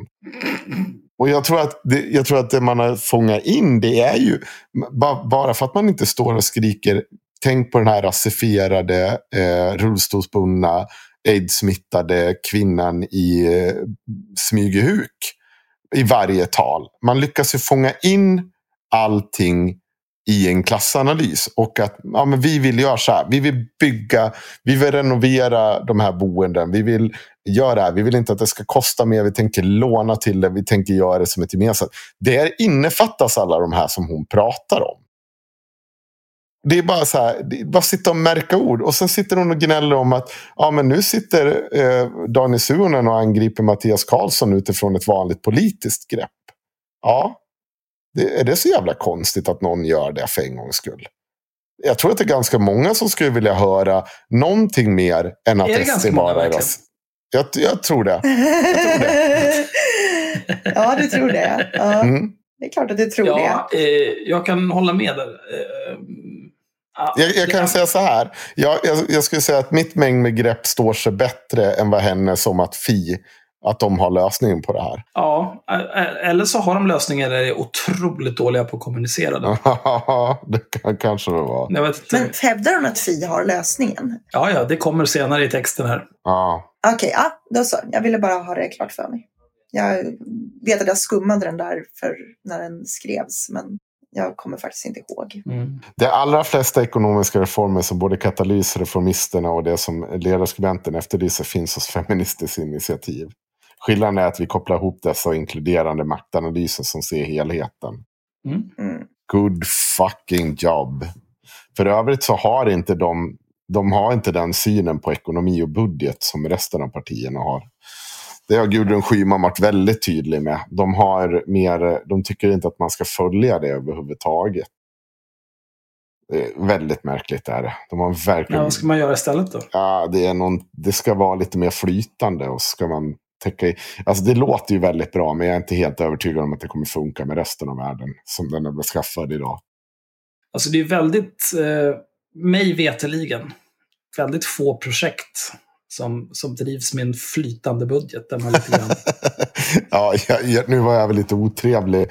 Eh, men man kan lyssna på Gudrun Schyman när hon pratar om det. Jag hade väldigt svårt att greppa det. Eh, och jag tyckte inte hon var särskilt bra på att försvara det heller. Mm -hmm. Det var enda gången jag hört Gudrun Schyman komma lite ur balans. Det, var, det lät väldigt drömmigt. Det finns väl också en anledning till att hon har mer eller mindre lämnat partiet kan jag tänka mig. Hon, vill väl, hon har väl fått nog. Hon sitter väl där i Simrishamn och bara lever life. hon håller ju på och, hon håller på med så pensionärer som engagerar sig för miljön. Herregud. Typ hon är Greta Thunberg fast på andra sidan åldersspektrat. Mm. Hon har alltid varit engagerad i miljön. Hon har varit jättetidig. Ja, jo, men jag vet. Jag vet det. Alltså det, det, det, är bara liksom, det är rätt tid för att göra det nu. Och hon har ju alltid varit extremt bra på att vara opportunistisk. Eh, och det säger jag inte som kritik. Jag säger att hon är skicklig. Ja. Eh, men jag vill, jag vill säga emot dig lite grann. Jag vill vara, jag tänker vara lite konträr. Eh, eller jag vill inte säga emot dig. Jag vill, eh, jag förstår eh, frustrationen med en socialism där det bara handlar om, alltså det finns ju ett uttryck eh, som heter brocialism. Vilket i princip handlar om, alltså det, det, här har ju varit ett problem inom vänstern i Sverige rätt mycket. Att det liksom är en massa, massa killar som sitter och på olika sätt ryggdunkar varandra över, över politik. Och kommer man in som kvinna där och säger, fast hörni, det kanske inte är, inte fan vet jag, hamnarbetarna. Det kanske är undersköterskorna som behöver vårt stöd som arbetare just nu. Eh, så blir man liksom nedtryckt. Eh, och jag vet inte, jag har, jag har sett det här beteendet själv. Eh, jag är ganska övertygad om att, eh, att både eh, liksom att, att man kan läsa det här på det sättet. Eh, och jag har inte svårt att tänka mig att det faktiskt är så att, eh, att det finns liksom en, en brist på intersektionell analys. Men å andra sidan så håller jag ju med eh, om dig om att förutsatt att vi inte särbehandlar kvinnor så är en klassanalys liksom en catch-all för alla utsatta grupper. Alltså jobbar vi för rättvisor för den svagaste arbetargruppen i samhället så spelar det ingen roll om den gruppen innefattar invandrare eller kvinnor eh, eller arbetargrabbar från Angered. Eh, för att det, liksom, det blir relevant, för att det handlar om, om basala behov och det handlar om basala rättigheter. Mm. Klass. Mm? Alltså jag vet jag, jag, jag, jag, jag skiter i det. Kontentan är att jag vet vad folk... Ja, men det är klart att du gör. Det är klart att du gör. Därför att du är ju Daniel Suonen. Du är ju precis den typen som hon kritiserar på många sätt. Ah. ja, hur ska du det här? Ja, nej, jag skiter väl fullständigt i det. Oj. Fortfarande, om vi, om vi kan lyckas lyfta hela klassperspektivet igen, då kommer det intersektionella med det. Ja. Det, det, är liksom inte svårare än så. Alltså, det, det, blir svårt att identifiera sig när man pratar om det minsta och den, det minsta och mest utsatta gruppen 24-7.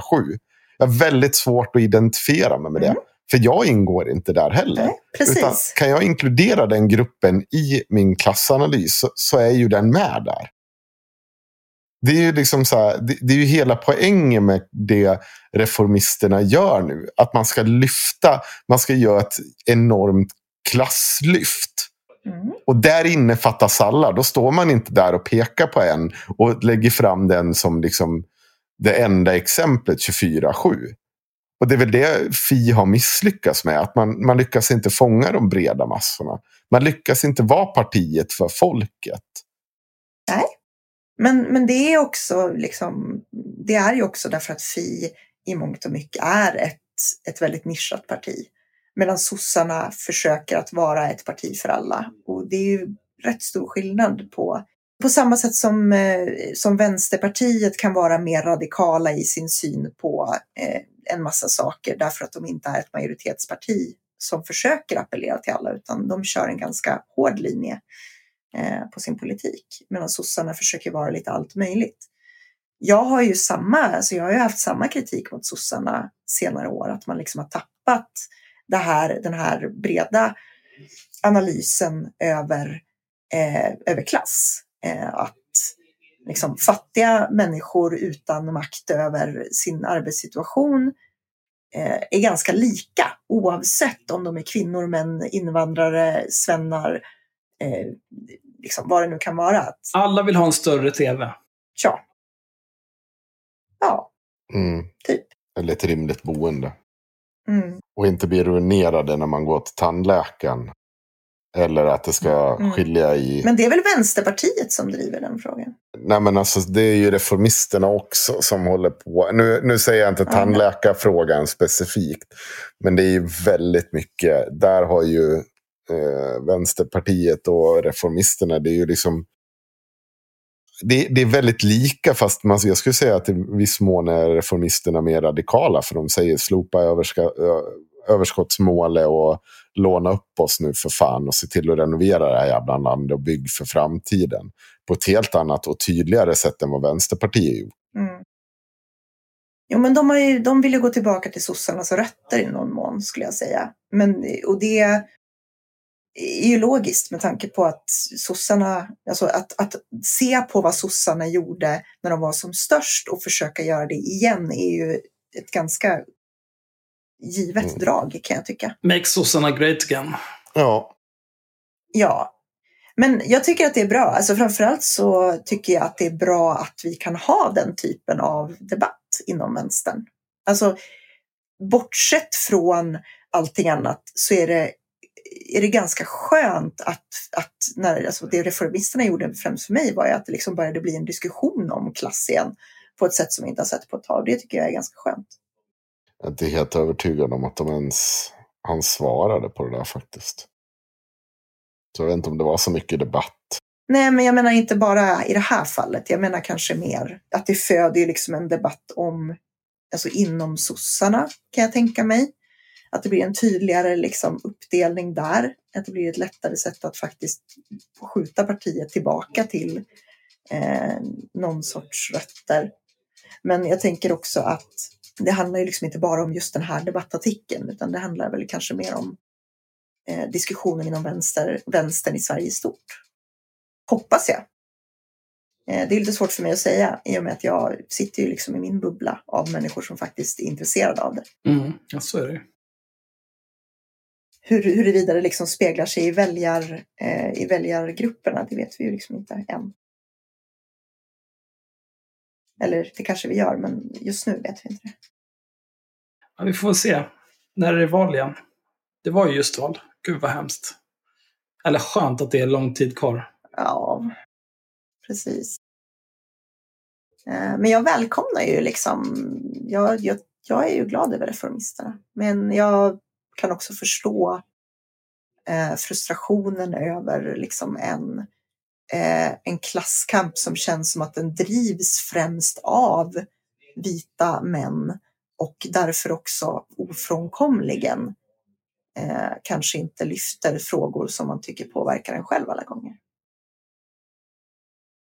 Men det är ju väldigt identitetspolitiskt Mm. på ett sätt som jag tycker är lite irrelevant för politik i stort. Ja, då är vi klara med den här skiten. Har vi något mer? Moderaterna. ja, Moderaterna. Åh, Apropå till parti som behöver dödshjälp. det här jävla slöddret alltså. Ja, de är väl nästan i större behov än Feministiskt initiativ. Ja, Det här eh, är ju om eh, alla dessa riksdagsledamöter som bor i Stockholm men är skrivna i Tomtelilla hos eller mamma. Tosterboda eller vad fan de nu kommer ifrån. Mm. Dels är det ju klandervärt för att de, de lurar oss på pengar. Mm. Men sen är det ju klandervärt liksom för att vem gör så? Så tjänar de inte tillräckligt pengar. De har ju riksdagsarvodet. Jag har också väldigt, väldigt svårt att sympatisera med det. och, och mycket av det de gör är ju betalt och klart liksom. Och så sitter Lars Bäckman och grinar om att han måste lägga ut för frimärken själv. Men fan, skickar ens brev, gubbjävel. Vi kanske ska göra en insamling och köpa ett häfte frimärken till Bäckman. Aldrig i livet. De gör en insamling för mig varje månad kan jag säga. Till hans jävla frimärken. Ja, det är sant. Men eh, hörru Henrik, det är ju du som har klippt in all den här skiten. Mm. Ja, Den här arti- artikeln, är den gömd bakom någon slags betalvägg eller? ja. Ja. Det är därför jag klippte den. Men han har klistrat in den i dokumentet längst ner. Har vi någonting att säga om de här moderaterna eller? De är klandervärda. Eller? Mm. Ja, Och det är en kristdemokrat också. jag, eh, alltså jag tänker mest att, att så här, Henrik är så jävla tyst. Så att, eh, jag tänkte att jag skulle säga att är inte det här precis vad Håkan Juholt gjorde, Henrik? Nej, Varför inte då? det är för att det är inte samma regelverk. Berätta mera. Nej, jag orkar inte. Jag är för trött. Nej, nej men vad kul. Nej, men då skiter vi i Moderaterna. Ja, En och en halv timme, det får räcka. ja. Nej, men... men Ja, jag, alltså- jag tror... Vi kan ju börja med kanske att berätta vad som har hänt i Moderaterna. Vad, vad, vad det handlar om. Tänkte jag mer. Gör det. Vad Oh, tänker du på? Tänker du på Bengtsbo eller tänker du på något annat? ja, vi kan ju börja med Bengtsbo. Det är en så jävla lång soppa, men de har ju i princip gjort ungefär samma sak allihopa. De bor ute på landet, där de Mm. kommer ifrån, eh, sin valkrets.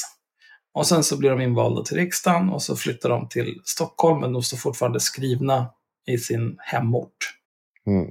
Men de bor på heltid i Stockholm. Precis. Och att låtsas som något annat är bara trams. Ja. Bengtsbo hade ju till exempel något löjligt hus som han hyrde av sin morsa på hennes tomt. Eh, och efter att han blev konfronterad av journalister, en journalist i en intervju om det där huset och hans boende och så där, då gjorde han en massa ändringar och betedde sig. Och skrev sig, jag kommer inte ihåg om han fortfarande var skriven där, men han beställde extra sophämtning så att det skulle se rimligt ut att någon bodde där på heltid. Ja. Liksom så, här, så mycket jävla trams. Du, han skulle bara accepterat att han var fucked. ja, så är det. Det var ju extra roligt i fallet Bengtsbo eftersom han också hade uttalat sig extremt mycket om människor som eh, fuskade med bidrag och var en börda för samhället. Det har de gjort. Det är väl Elisabeth som har gjort det ännu, ännu starkare. Svantesson, ja. Ja, jo, men båda har gjort det. Det är ju hyckleriet. Ja, det är Moderaternas ekonomisk-politisk talesperson. Det som är, och det som ni har hört i media säkert jättemycket om, det är att ja, men riksdagens regelverk säger att man får göra så här. Och detta stämmer såklart. För att eh, det, det här ska folk ha klart för sig. Det som händer är att riksdagsledamöter, de väljs från hela jävla landet. Om det inte är Sverigedemokraterna, där står folk på lite hipp som happ-listor. Men det är SD vill toppstyra hela jävla partiet och bestämma vilka som kommer in i riksdagen. Eh, Så att eh, helt plötsligt kan det vara en malmit som bor i Dalarna eller står eh, på deras vallista och sådär. Mm. Uppsala var extremt bra på det där under Pavel Gamov bland annat. Det var väl då det avslöjades det där att det fanns ett hus i Uppsala som det var så här tio sverigedemokrater skrivna i. I Tierp. Men det, det var faktiskt interna val som de hade skrivit över en bunt folk. Men de fick på moppo där och de fick avskriva sig i alla fall. Mm. Skit samma. Det man gör är väldigt enkelt att eh, ja, det blir ju inte så jävla lätt när man ska vara nere i Stockholm hela veckorna. Och det vet ju alla som pendlar att det blir ju lätt att bo kvar och, och så vidare. Har man familj så kanske många flyttar med upp till Stockholm och så vidare. Och så vidare. Men de vill ju fortfarande bli valda från sin valkrets. Så då har de, står de kvar där nere någonstans skrivna. Och det får de väl göra. Jag har inget problem med att man gör på det sättet. Det är endast väljarna som kan avgöra om de tycker att det är rätt eller inte. Jag vet inte, alla andra måste mm. vara skrivna där de bor. Så jag inte... Alltså, men, men väljarna vet ju inte om det här. Hur ska väljarna kunna avgöra om det är bra om de inte vet? Ja, men det beror ju på. Du kan ju vara jätteaktiv lokalt ändå. Du kan ju åka ner där över helgerna. Mm. ja, men då bor det ju också en hel del där. Alltså, tanken är ju att du ska åka hem och vara aktiv i ditt eget valdistrikt och så vidare. Även om du inte råkar göra mm. det så är det fortfarande väljarna, Moderaternas väljare som avser. Tycker de inte att du gör ett bra jobb nere i Stockholm eller på hemmaplan, alltså, då kan de ju välja någon annan som faktiskt gör det. Det, det, får väljarna avgöra. Det är inte det som i grund och botten är problemet. Det är den här jävla skenskrivningen. Och att man faktiskt tar betalt för den. Det är det klandervärda. Det klandervärda är att man sätter sig i Stockholm, man vidarebefordrar all post dit som Elisabeth Svantesson gör. Man, alla vet att personen bor där alla dagar i veckan. Men den sitter och tar ut pengar för dubbelt boende. Det är inte rimligt. Jag skulle säga att det finns mer som är klandervärt. Det är också just när det kommer till högerpartier. Ja. Dels det här jävla fuskandet med pengar och lägenheter. Som Kristersson och hans jävla lägenhetsaffärer hela tiden. De håller på och fuskar och myglar och är som korrupta jävla svin. Mm. Och ändå så har de mage att sitta och grina om att så nu ska vi få bukt med bidragsfusket och folk ska inte tro att man kan få någonting gratis i det här landet. Nu ska vi sänka alla bidrag. Sossarna vill bara dela ut skattepengar till alla som behöver det ja. och det är klandervärt. Ja, men det är hyckleriet som gör det klandervärt för mig i främ, alltså främst. Och stölden. Mm. Ja, och jag, jag, kunde ge mig fan på... Jag, jag, är lite förvånad att det inte har dykt upp någon sosse i den här granskningen heller. För jag, jag, kunde tänka mig att det ändå så fanns fler personer som gjorde på det här sättet. Men än så länge har det ju inte det. Så vi får, vi får väl se helt enkelt.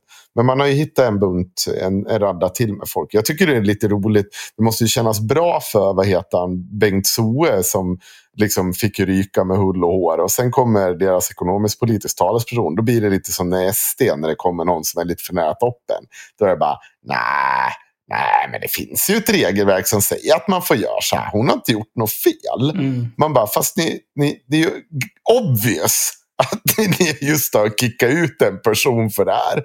Han fick avgå mm. på eget. Man, det heter ju inte utesluta eller kicka ut i de här, utan då, då avgår de. Nej, man avgår. Ja, det föranleds absolut inte av några samtal med de här personerna med uppmaningar och så vidare att det skadar partier. Mm. Ja, och det, det, är så jävla, det är så jävla fult och liksom sen så fort när det väl blir lite känsligt, då helt plötsligt, då nej, nej men vet ni vad, det här är ju bara regelverket. Vi, vi kan ju ändra på det sen, så kan vi ta lite pluspoäng att vi ändrar det här helt orimliga regelverket som bara vi fuskade med. Ja, dra åt helvete. Och skillnaden på det här och Håkan Juholt och hela den debaclet. Det, ja, jag tror jag pratade om det här någon gång för länge sedan. Men få försöka dra det lite snyggt och lustigt. Ehm, jag kommer inte ihåg om jag läste upp vad som hände då. Men allt börjar ju med ett avslöjande av Aftonbladet. Och ehm, det kommer alltså den 7 oktober 2011. Och då kunde man läsa det här utdraget ur artikeln. Lägenheten hade Juholt anmält som övernattningsbostad till riksdagsförvaltningen utan att tala om också att hans sambo bodde där. Men en kontroll drygt två år tillbaka, från juni 2009 till idag, visar, att S-ledaren låtit skattebetalarna stå för hela hyran hela tiden. Och lyssna nu på det här, för det här blir en liten contradiction. Trots att även Åsa Lindgren stått på avierna för fastighetsbolaget Heba. Då säger han alltså att han har inte talat om att sambo bor där. Men på avierna så står Åsa Lindgren med. Då kan man kolla lite på vad som finns på de här eh, underlaget som man ska skicka in. Och då är det egentligen bara ett underlag där man ska skriva i vad man har för hyra och om eh, elavgift och sånt ingår. Och så ska man skicka med sin, eh, vad heter det, avi. Då. Och mycket riktigt, där står ju Åsa Lindgren Mm. med. Så att i varje dag, eller varje månad under de här två åren så har riksdagen officiella dokument på sitt, eh, på sitt bord där det står att Åsa Lindgren bor där. Det är, det är lite konstigt att ingen säger att, att ja, men det här är ju fel. Varför är inte halva av hyran avdragen?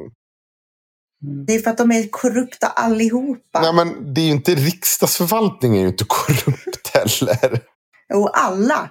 Alla är korrupta. Ja, Det är, därför man, det är därför jag tänker rösta på Medborgerlig Samling. För de är poliser på riktigt. Då löser vi det här problemet. Jag tänker rösta på klassiskt liberala partiet. jag ska läsa eh, rubriken Sanningen om fusket. Det här kommer alltså den 8 oktober 2011, dagen efter.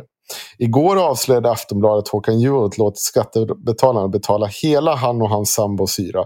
Trots att det strider mot reglerna.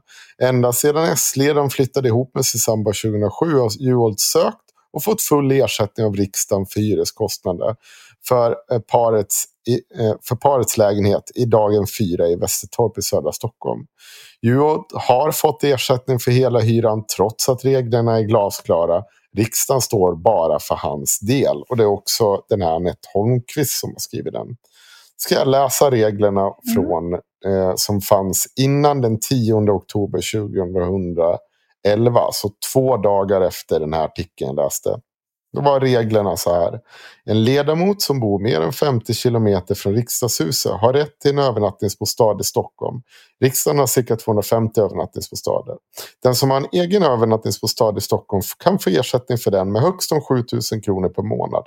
Ledamöterna får ersättning för hela kostnaden för hotellrum vid tjänsteresor.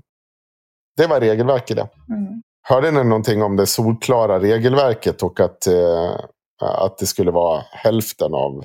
Nej. Nej, jag kan berätta vad det stod på riksdagens regelverk eh, efter den 10 oktober. Alltså tre dagar efter att det briserade. Eh, för att få ersättning för en övernattningsbostad fyller ledamoten i en blankett och skickar den till ledamotsservice tillsammans med en kopia på hyreskontraktet eller motsvarande dokument för hyra av avgifter framgår. Bestämmelserna tillämpas så att ledamoten får ersättning för sin del av bostadskostnaden om ledamoten bor tillsammans med någon annan. Det, det är ganska väsentlig skillnad i vad som sker här. Och det var ganska många fler som det dök upp att de hade gjort en, vad man kallar en Juholt efter det som hände här. Mm. Det är liksom sånt här, det här skedde ju... Det är ett justitiemord. Nej, det är inte ett justitiemord, men det är riktigt dålig Det är ett journalistik. justitiemord. Justitiemord, är inte det när, när man ger sig på medborgare förresten? Justitiemord, det var det som jag blev utsatt för i höstas. Ja, precis. När media och stat konspirerar mot en enskild medborgare. Men jag, jag, kan, jag kan säga så här mycket. Att för det första, det fanns inga regler när Juholt fyllde i de här. Eh, alltså det fanns det i alla fall inte officiellt från riksdagens, eh, från förvaltningen där. Eh, och en annan stor skillnad är ju där också att om du lämnar in grejer där det står liksom så här, fyll i din hyra. Ja, min hyra är det här. Och det står inte fyll i din andel av hyran. Då har man ju inte uppenbart försökt mygla. Nej, utan man skriver i det, man lämnar in en lapp och det står att sambon är där. Ja, då är det ganska mycket ett misstag. Ja. Försöker man fuska då, då är man världens sämsta Ja, fuskare. då är, man är, det är ganska fräckt fuskat skulle jag säga. Ganska fräckt. För du lämnar även in beviset för att du fuskar fuskar ja. med den lappen du fyller i. Det, det vore sjukt korkat. Det talar ju för att det här gjordes eh, i någon sorts god vilja. Ja, nu sitter det en massa äh, människor och lyssnar på det här. Och om de orkar fortfarande, då är ni sjuka i huvudet. För jag är svintrött. Då tänker ni så här, men Juholt gick ju ut och sa att eh, han hade gjort fel. Ja, och det var egentligen en anledning att de kunde upprätthålla det här. Mm. För att när Drev gick, när han försökte pudla sig ur en situation som han förmodligen inte var ansvarig för. Då satte det igång. För då sa ju han att jag hade gjort fel. Mm. Trots att det inte faktiskt var ett fel på det sättet. Och där, där någonstans kan du väl säga att de här två sakerna liknar det. Men jag ser inte uppsåtet. Jag såg inte uppsåtet hos de liberala politiker, moderata politiker som gjorde det här vid då tillfälle. Här vet om det. Här visste Bengt att Ja, han, han, har, han har liksom sitt namn här på en brevlåda. De tömmer inte ens soporna här. mm, Hon, Svantesson är inte i det här huset. Hon vidarebefordrar allt brev, all post och sånt där. Det går direkt dit. Hon är där hela sin tid. Hon vet om att hon inte är där. mm, Det är en stor jävla skillnad. mm. Jag blir så irriterad på det. det är... Ja, men så sitter, sitter, var Jag folk vet, som det var därför jag tog upp det. Folk satt och skrev om det där med Juholt. Man bara, men är ni, det, det är sånt jävla mygel att göra på det här sättet. Ja, men det där är ju, jag tror inte folk, alltså folk kommer ju inte ihåg det här heller. Utan det man kommer ihåg är ju att han på något sätt erkände att han hade fifflat med det här. Eh, alltså att han sa att han hade gjort fel. Eh, men det finns ju också någonting så här jävligt sorgligt med just det där att, att ingen ska kunna säga att de har gjort fel. Ja. Att en politiker får inte säga att de har gjort fel, för då kan man hållas ansvarig och då ska man liksom, så att man ska bara så här, ja nej men det här, mm, mm, mm", och så liksom Jimmy Åkesson när man ser ur allting istället. Jag föredrar ju faktiskt ärligheten i sådana fall. ja eh, jag kan säga att jag har när så här, när, eh, vi har så här, Centerpartisten Emil Källström erkänner lördag sitt eget slarv och betalar tillbaka. Det här var liksom inget, de här bara försvann, det bara fortsatte. Mm. Ja, då säger han så här, så fort jag såg nyheten, vänta nu, det där gäller ju mig med, säger han. Och han tog genast med sig kontraktet till riksdagsförvaltningen och förklarade situationen för hans sam, äh, flickvän hade flyttat in där. Mm. Det, det var bara liksom, det var eh, eh, en politiker också som gjorde samma sak. Det var en till centerpartist som gjorde det. Eh, och det, jag tror... Men Juholt utsattes för ett justitiemord. Nej. Det är det som är poängen. Så felet var ju att han eh, inte gjorde som Hanif Bali. Han skulle bara aldrig bett om ursäkt, aldrig backa. Ja. Det, det där är- det passar sig ju inte för en sosseledare. Jag skulle nog säga så här att han skulle nog ha tagit när han gick ut på den där. Jag har ju fått hört historien eh, om vad som hände. Han, det som hände under den morgonen är att Juholt sitter i någon jävla möte och blir informerad egentligen när han kliver ut från det här mötet att media har uppmärksammat det här och de söker honom nu. Och man kallar till presskonferens. Och mellan den här presskonferensen då så kommer man överens om att han ska försöka pudla sig ur den här situationen. Jag tror inte det var illa ment från någon part på det sättet. Utan jag tror bara att liksom, man, man, ja, ja, men jag har gjort fel, jag pudlar ur det. Och det, det var det som brakade loss. Mm. Det var ingen som satte sig ner och tittade på, vänta vad fan sa regelverket egentligen? Vad, vad var det som hände här? Eh, han hade såklart alltid kunnat klandrat för det. Han hade alltid klandrat för av sina motståndare. Men jag tror att den typen av explosion han fick i ansiktet, det hade nog kunnat sagt som om de bara hade bara, nej men vet du vad, vi måste sätta oss ner och titta på det här. Eh, och så, så, jag hade ingen aning, jag trodde jag gjorde rätt när jag lämnade in det här. Eh, de här reglerna fa- fanns inte när jag gick in och kollade på det här. Jag har till och med Mm. visat upp att min sambo bor här. Och ingen har sagt någonting tillbaka. Jag, jag kan ju bara be om ursäkt. Jag har gjort ett fel här. Men det har definitivt inte varit min avsikt. Mm. Det hade han kunnat komma undan med. Det tror jag. Jag tror att han hade kunnat vara partiledare bra mycket längre då. Mm. Jag är ju som bekant ganska ledsen över det här. Men jag är glad över att Juholt eh, verkar leva och ha ett eh, fantastiskt glatt liv. Och ofta välsignar oss med bilder på när han håller i olika typer av mat. Mm. Det tycker jag är väldigt fint. kan han få göra. Det är min favoritgrej med, med Juholt numera. Ja. Jag har inget mer att säga om det här. Jag har inget mer att säga om någonting förutom att jag tänker gå och duscha och gå och lägga mig. Ja, bra. Jag med. Bli Patreons. Nej, skit i det. Dra åt helvete. Jag har fått nog. Och så livströtta. Nu har vi pratat för mycket om deppiga saker. Vi, jag sa ju det att vi skulle ha liksom blandat upp det lite grann så att vi hade, kunde avsluta med typ Egor Putilov. Men vi hade inga glada ämnen idag. Ego Putelov Nej. blev man ju också arg av. men vi blir alltid arga, men det är skillnad på att bli arg och bara känna så här, alla är sämst. Jag tror att det var liksom, först utnyttjade flyktingbarn och sen dödshjälp. Jag tror det tog Ja, det var mycket alltså. Men man kan ju säga att eh, Ja. aktiv dödshjälp är väl temat för det här avsnittet. Många som är i behov. Vi är för det. Ja jag är positiv.